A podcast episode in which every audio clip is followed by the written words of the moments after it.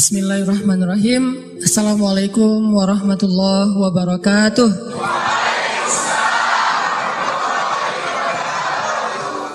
Oke, hari ini kita bahas tentang amrodul kulub.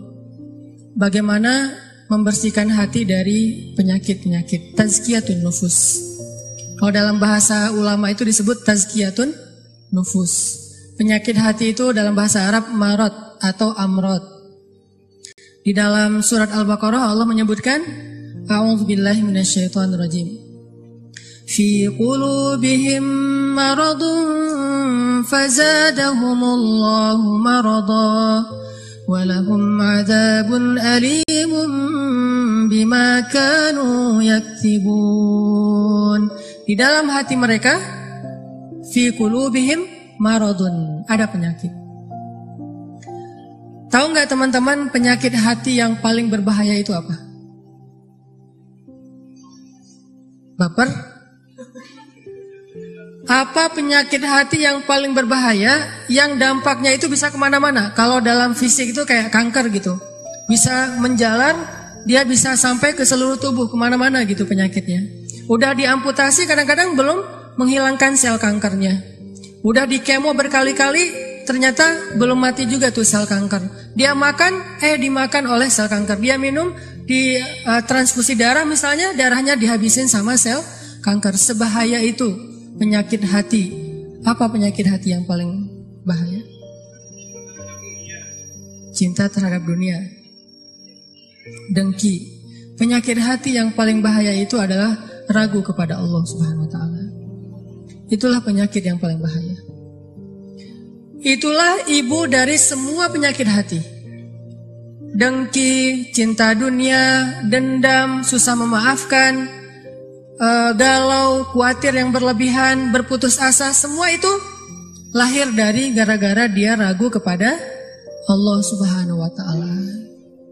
Sehingga Allah mengatakan di dalam surat Al-Baqarah tadi, fi qulubihim marad.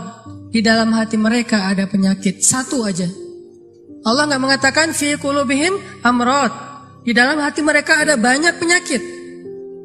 Tapi Allah mengatakan fi qulubihim maradun, cuma satu penyakit. Dalam sebuah konsep tafsir. Dalam sebuah pandangan tafsir. Marad penyakit apa yang ada di dalam hati mereka? Padahal hatinya banyak, tapi penyakitnya sama.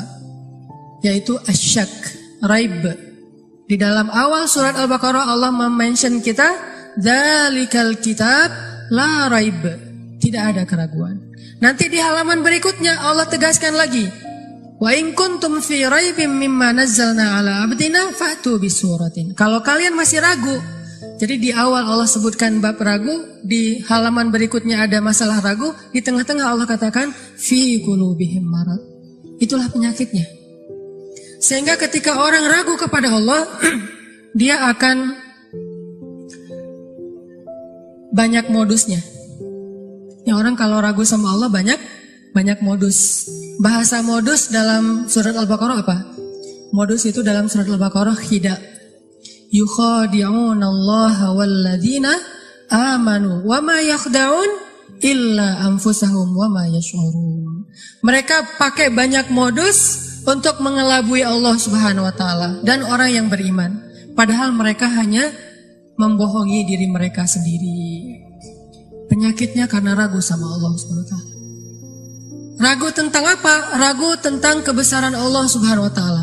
Bahwa Allah Maha Kuasa, makanya dia menjadi orang yang gampang khawatir.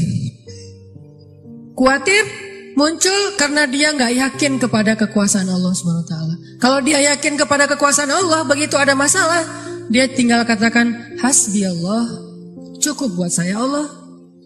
Kalau dia yakin kepada Allah, lalu ada masalah, dia hanya mengatakan la haula wala quwata illa billah, maka selesai semua masalah di dalam dirinya. Walaupun mungkin masalahnya belum selesai, tapi dalam hatinya masalah itu sudah selesai. Dan itu awal dari kebaikan. Jadi masalahnya adalah kita yakin gak nih sama Allah? Masalahnya adalah gimana cara kita keep the faith, belajar untuk menjaga terus keimanan dan keyakinan kita kepada Allah Subhanahu wa taala. Ini yang menjadi masalah kita dalam hidup. Dulu ketika Doli ditutup di Gang Doli di Jakarta, eh di Jakarta di Surabaya, salah satu kalimat yang keluar dari teman-teman yang ada di sana apa? Kalau kami nggak boleh kayak gini, terus kami makan apa, gitu kan? Kalau kami nggak boleh kerja kayak gini, terus kami ngasih makan apa buat keluarga kami? Itu penyakitnya. Jadi bukan pekerjaannya, tetapi keyakinannya kepada Allah Subhanahu Wa Taala. Gak mungkin, nih ya, gak mungkin nol, gak mungkin sama sekali ya. Ada orang yang meninggalkan sesuatu karena Allah terus jadi terlantar dan terlunta-lunta itu gak mungkin sama sekali. Bukankah Allah sudah menunjukkan banyak bukti kepada kita? Siapa pun yang meninggalkan sesuatu karena Allah pasti Allah ganti dengan yang lebih baik. Musa meninggalkan Mesir karena perintah Allah, Allah ganti dengan Palestina. Ibrahim meninggalkan Irak karena Allah, Allah ganti dengan Palestina dan Mekah. Nabi Muhammad SAW meninggalkan Mekah karena Allah, Allah ganti dengan keluarga baru di Madinah. Gak mungkin ada orang yang berhijrah meninggalkan sesuatu karena Allah terus jadi terlunta-lunta, jadi susah hidupnya. Gak mungkin, gak ada ceritanya dalam sejarah. Masalahnya ketika dia meninggalkan itu kadang Allah ngasih dia ujian kecil untuk melihat dia Yakin gak sama Allah? Nah di ujian itulah banyak orang yang patah. Banyak orang yang kemudian jadi seperti bangsa Bani Israel yang mengeluh terus bilang, duh kalau kayak gini mending saya balik lagi aja kayak dulu. Banyak orang yang ngomong kayak gini. Mending saya balik lagi aja kayak kayak dulu. Kayaknya hidup saya yang dulu lebih mudah daripada sekarang. Itu yang dikatakan Bani Israel ketika mereka menuju ke Palestina. Ketika mereka di tengah jalan mereka bilang tahu kayak gini kita mending balik lagi aja ke Mesir kayak di zaman Firaun. Ternyata sama aja nasib kita di tangan Firaun dengan di tangan Musa. Kenapa? Ragu kepada Allah Subhanahu wa taala. Tidaklah seseorang ragu kepada Allah kecuali akan bertambah keluhan dalam hidupnya. Nih pasti nih. Tidaklah seseorang makin ragu kepada Allah kecuali bertambah banyak keluhan-keluhannya dalam hidup. Semakin dia yakin kepada Allah, semakin sedikit dia mengeluh dalam hidupnya. Semakin sedikit dia, semakin yakin dia kepada Allah, semakin sedikit dia mengeluh dalam hidupnya. Makanya teman-teman, masalah paling besar dalam hidup kita itu, terutama masalah hati adalah ketika kita ragu kepada Allah Subhanahu wa taala. Kalau kita lagi galau tentang satu masalah, Jalan keluar yang pertama yang harus teman-teman cari itu adalah Allah Subhanahu wa taala. Coba tanya kepada Allah, coba baca ayat-ayat Allah, gimana cara mengobati galau atau masalah di dalam hati kita. Jadi, obat hati itu adalah yakin kepada Allah. Dan cara yakin kepada Allah, baca firman-firman Allah Subhanahu wa taala. Allah berjanji di dalam banyak ayat untuk bisa menjadi iman, menambah faith menambah keyakinan di dalam hati kita. Tinggal kita baca aja. Banyak banget ayat-ayat kayak gitu.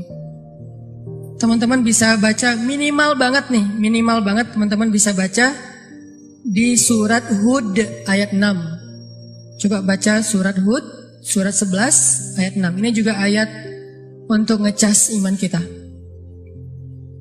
Apa kata Allah di ayat 6 surat Hud? بسم الله الرحمن الرحيم وما من دابة في الأرض إلا على الله رزقها ويعلم مستقرها ومستودعها كل في كتاب مبين Gak ada satupun hewan yang melata di muka bumi illa alallahi rizquha kecuali Allah yang menjamin rezeki bagi mereka. Terus kenapa kita khawatir? Kenapa kita galau? Kan Allah yang menjamin dan jaminan Allah itu sebaik-baik jaminan dijamin oleh perusahaan asuransi atau finance itu aja kita udah yakin gimana dijamin oleh Allah Subhanahu wa taala.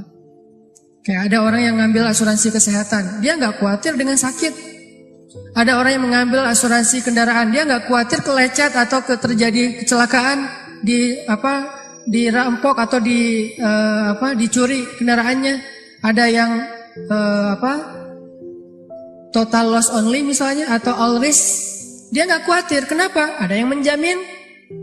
Ada orang yang mengambil asuransi pendidikan. Dia nggak khawatir dengan harga pendidikan yang semakin mahal karena ada jaminan.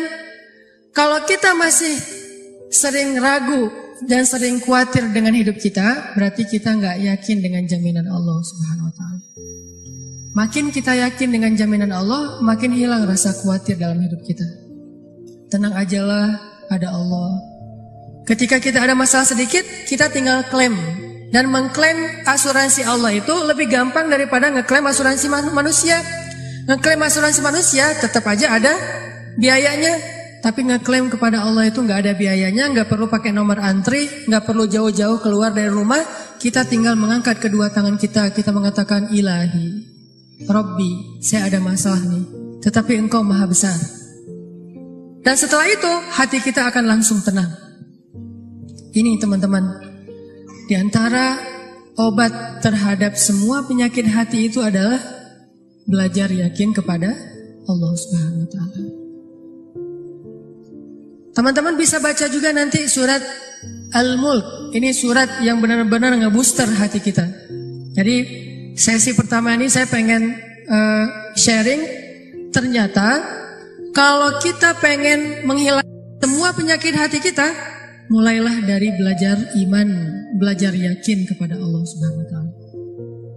Kalau kita pengen belajar menjadi orang yang menjalani hidup itu penuh dengan uh, keyakinan, penuh dengan harapan, orangnya optimis, caranya belajar yakin kepada Allah Subhanahu wa taala. Dan salah satu cara belajar yakin kepada Allah baca ayat-ayat Allah terutama ayat-ayat booster tentang kebesaran Allah Subhanahu wa taala. Inna fi khalqis samawat. Dalam penciptaan langit. Bukan cuma di langit tapi penciptaannya prosesnya. Inna fi khalqis samawati wal ardi wa ikhtilafil lail واختلاف الليل والنهار لآيات لأولي الألباب Langit, bumi, silih bergantinya malam dan siang asal atau musim, di situ ada bukti-bukti bahwa Allah Maha Kuasa. Kalau itu aja buat Allah gampang, cuma kun fayakun, apalagi cuma ngurus kita yang cuma kecil dibandingkan langit dan bumi. Kita itu dibandingkan langit dan bumi, nggak ada apa-apanya. Kalau langit dan bumi aja buat Allah nggak ada apa-apanya lagi, apalagi kita. Jadi intinya teman-teman, kenapa kita khawatir kalau Allah menjamin kehidupan kita? Kenapa kita khawatir kalau Allah berjanji menolong kita? Kenapa kita khawatir kalau Allah Subhanahu wa taala tidak akan menyia-nyiakan kebaikan kita? Ada orang yang pernah nggak nyesel bantu orang lain gara-gara ternyata orang itu akhirnya nyakitin perasaan kita. Duh, saya nyesel dulu bantu dia. Duh, saya tahu gitu nggak bakalan saya mau baik-baikan sama dia. Duh, nyesel juga saya kemarin udah uh, apa nolongin dia segala macam. Nyesel juga saya kemarin ngasih tahu ke dia. Ternyata ujung-ujungnya dia malah menyakiti saya, mengkhianati saya, nikung saya dari belakang. Gimana? Apakah kita merasa amal kita jadi sia-sia? Enggak. Kalau kita bertransaksi dengan makhluk, mungkin sia-sia. Tapi kalau kita berdagang dengan Allah, nggak ada yang sia-sia, sehingga tetap tenang. Lagi-lagi baliknya ke Allah Taala. Begitu kita merasa dikhianati, disakiti, uh, ditikung, dianggap bukan siapa-siapa, nggak ada apa-apanya, kita tinggal mengatakan hasbi Allah bagi saya cukup balasan dari Allah Subhanahu wa taala, bukan balasan dari manusia. Ini teman-teman untuk sesi pertama tentang amradul kulub fi kulubihim marad. Salah satu penyebab kita sering gak nyaman dalam hati kita itu dan kalau hati udah gak nyaman pasti yang lain ikut gak nyaman. Coba susah banget kan membedakan ekspresi wajah yang tidak sesuai dengan hati kita tuh susah. Tetap aja nggak akan setulus kalau kita tersenyum dari hati. Senyum terpaksa itu beda banget. Kita pengen tersenyum tapi hati kita terluka kan gak mudah itu buat kita. Makanya hati itu mempengaruhi seluruh kehidupan kita. Benarlah sabda Rasulullah, kalau dia baik, semuanya ikut ikut baik. Kalau dia buruk, semua ikut menjadi buruk terpengaruh banget. Sehingga kalau kita pengen memperbaiki hidup kita, mulai dari memperbaiki hati kita. Dan awal dari memperbaiki hati itu adalah perbaiki yakin kita kepada Allah Subhanahu wa taala.